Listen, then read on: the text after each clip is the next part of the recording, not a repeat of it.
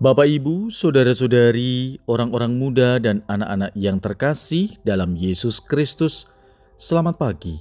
Salam bahagia dan salam seroja untuk kita semua. Berkah dalam. Bersama dengan saya, Romo Antonius Garbito Pambuaji, menyampaikan salam dan berkat Allah yang Maha Kuasa dalam nama Bapa dan Putra dan Roh Kudus. Amin. Hari ini Selasa 30 Juni dalam pekan biasa ke-13.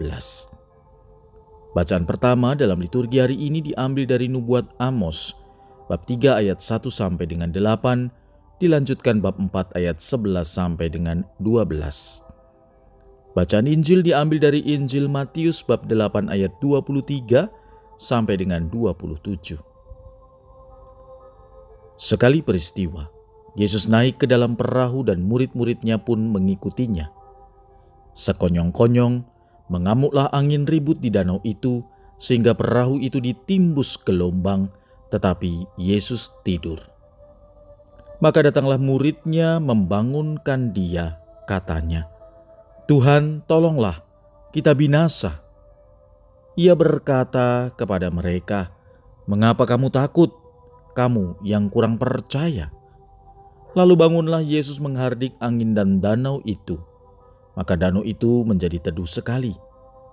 Dan heranlah orang-orang itu katanya, Orang apakah dia ini sehingga angin dan danau pun taat kepadanya. Demikianlah sabda Tuhan. Terpujilah Kristus. Saudara-saudari yang terkasih dalam Yesus Kristus. Injil hari ini yang baru saja kita dengar mengisahkan pengalaman kebersamaan Yesus bersama para muridnya dalam satu perahu yang sama. Jelas dikatakan, tiba-tiba mengamuklah angin ribut di danau itu dan perahu ditimbus gelombang. Para murid merasa panik dan ketakutan luar biasa. Tetapi mereka menemukan Yesus sedang tidur dengan tenang. Reaksi mereka membangunkan Yesus sambil berkata, "Tuhan, tolonglah kita binasa." Saudara-saudari, kita bisa membayangkan, tentu saja para murid membangunkan Yesus tidak dengan pelan-pelan, tetapi sambil berteriak karena panik. Kemudian Yesus berkata kepada mereka, tentu dengan tenang, Mengapa kamu takut, kamu yang kurang percaya?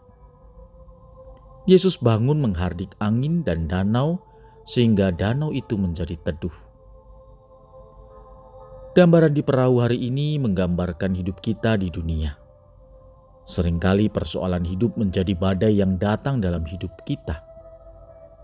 Murid-murid yang takut dan khawatir menjadi gambaran bagi kita, di mana kita sering kali mengalami hal demikian.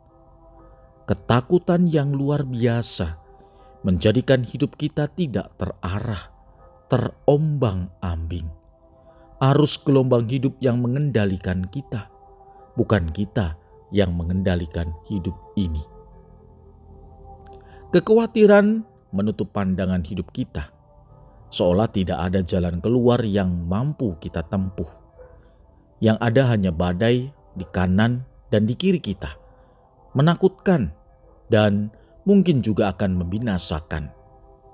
Bahkan mungkin karena takut kita merasa sudah tidak ada di dalam perahu, padahal nyatanya masih dalam perahu dan tenggelam. Bisa jadi kita tenggelam bukan karena memang badai yang menenggelamkan, namun karena kita tenggelam justru oleh karena ketakutan dan kekhawatiran kita. Injil hari ini memberi gambaran juga kepada kita bahwa takut dan khawatir atas badai hidup membuat kita lupa akan peran serta Tuhan dalam hidup ini. Padahal Tuhan senantiasa hadir dalam kehidupan kita. Ia menyertai dan mendampingi kita senantiasa. Hanya karena kekhawatiran itu, kemudian seolah Tuhan absen dalam hidup kita. Ketika sudah dalam kesusahan, barulah kemudian kita ingat ada Tuhan sudah mentok dan tidak punya jalan lagi. Sebagai orang beriman, kita diajak untuk senantiasa menyadari bahwa Tuhan tidak pernah absen dalam hidup kita. Hanya kita yang tidak menyadari dan tidak mempersilahkan Tuhan masuk berperan serta dalam hidup kita. Entah dalam badai atau tidak, mari menyadari kehadiran Tuhan yang senantiasa memberikan yang terbaik bagi hidup kita. Sebagai manusia, kita pasti akan sama menghadapi badai hidup. Meski menghadapi kesulitan yang sama, seorang beriman yang yakin akan penyertaan Tuhan pasti akan mempunyai sikap dan jalan keluar yang berbeda.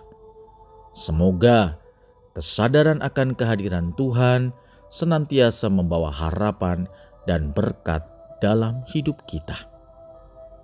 Di mana Kristus berada, pasti di situ ada kedamaian, ada sukacita dan kesejahteraan.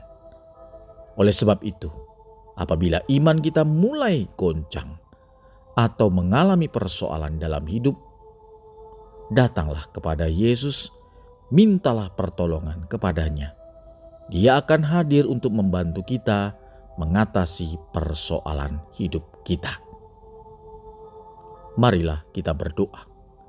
Ya Tuhan, semoga kami mampu senantiasa menyadari kehadiranmu dalam hidup. Semoga kami semakin berani, terbuka hati dan pikiran akan rencana dan kehendakmu. Ajarlah kami untuk tidak mudah putus asa atas hidup kami karena kami mempunyai iman dan kepercayaan.